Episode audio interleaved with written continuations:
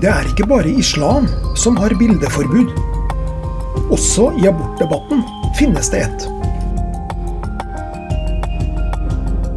Hva har tegninger av profeten Muhammed til felles med bilder av et 22 uker gammelt eh, menneskefoster? Jo, de glimrer begge med sitt fravær i nesten alle norske medier.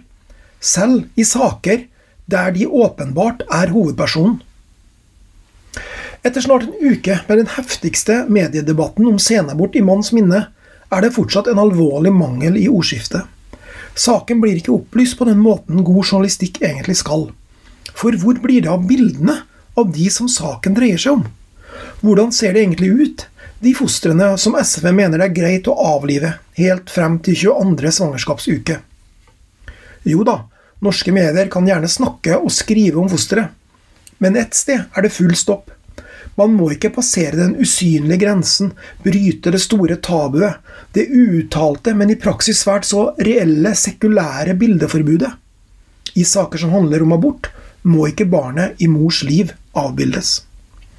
I dette spørsmålet virker norske medier nesten like redde for å vise hva saken handler om, som det de var i karikaturstriden.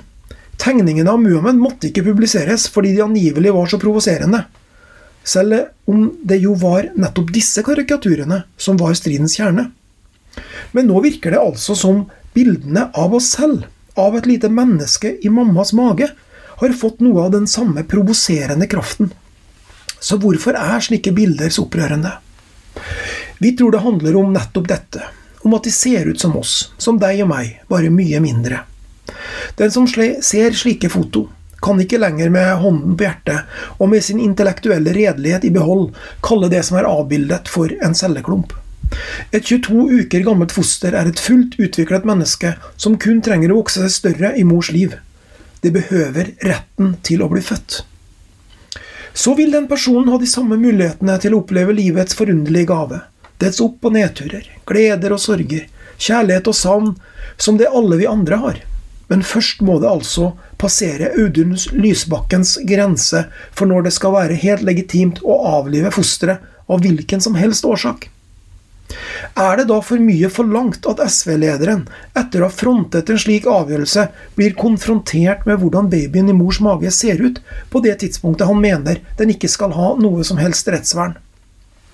Etter det vedtaket bør han ta en meget god og lang titt på det lille menneskelivet som han mener fritt skal kunne utslukkes. Av disse grunnene ble dagens forside onsdag denne uken dominert av en avbildning av et ufødt menneske ledsaget av tittelen 'Slik ser et 22 uker gammelt foster ut', Audun Lysbakken. Ja, virkemidlet er sterkt, men sakens realiteter er enda mer alvorlige. For hvordan skal vi kunne føre en opplyst offentlig samtale om dette spørsmålet hvis vi velger å totalt usynliggjøre en av de to hovedpersonene? For scenen vårt handler nemlig om to parter. Kvinnen, som åpenbart er i en vanskelig situasjon, men også det individet som befinner seg i hennes livmor. Dette svake og sårbare mennesket har ikke noen egen stemme.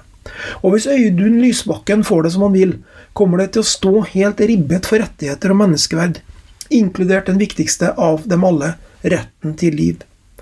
Da skylder vi i det minste å ha sett et bilde av hvordan det ser ut.